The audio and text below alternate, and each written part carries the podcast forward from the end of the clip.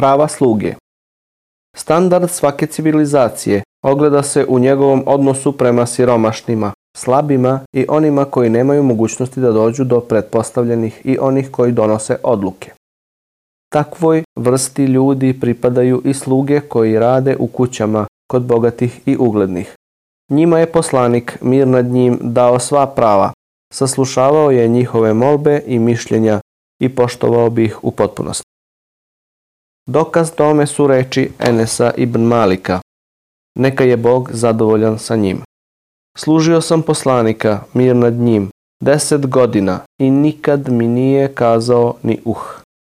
Ukoliko bih nešto uradio, nikada mi nije rekao zašto sam to uradio, a ukoliko nisam uradio, nikada mi nije rekao zašto nisi. Navodi se predaja da je jedna medinska robinja uzela poslanika mir nad njim za ruku, pa ga je odvela tamo gde je želela da joj pomogne to što je želela. Poslanik mir nad njim je upozorio na uznemiravanje sluge, pa makar on bio i rob koji je u nečijem vlasništvu, te je naglasio da je uznemiravanje roba jedan od razloga zbog kojeg može biti oslobođen od robstva. Rekao je Boži poslanik mir nad njim, ko ošamari ili udari onoga koji je u njegovom vlasništvu može se otkupiti samo ako ga oslobodi. Prenosi se od Ebu Mes'uda el Ensarija da je kazao Udario sam svoga slugu bičem, pa sam iza sebe čuo glas Znaj Ebu Mesude. Taj glas nisam razumio jer sam bio previše ljut. Nakon što se približio, uvideo sam da je to Boži poslanik, mir nad njim, pa je opet kazao Znaj Ebu Mesude, znaj Ebu Mesude.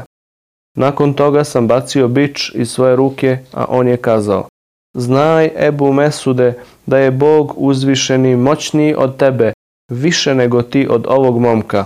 Nakon toga sam kazao, nikada više neću udariti roba. U drugoj verziji stoji, o Boži poslaniče, oslobađam ga želeći Božje zadovoljstvo. Pa mu je poslanik mir nad njim kazao, kada to ne bi učinio, vatra bi te dotakla. To jest, to ne možeš učiniti dobrovoljno, nego ti je to obaveza jer si ga udario bičem. Na ovakav način se poslanik borio protiv robstva, pa je tako mnogo robova oslobođeno. Poslanik mir nad njim je zabranio da se rob opterećuje preko njegovih mogućnosti, kazavši Robu pripada hrana i odeća, i ne sme se opteretiti preko njegovih mogućnosti. Jednom prilikom neki čovek je došao poslaniku mir nad njim i upitao ga O Boži poslaniče, koliko puta da oprostim svome robu?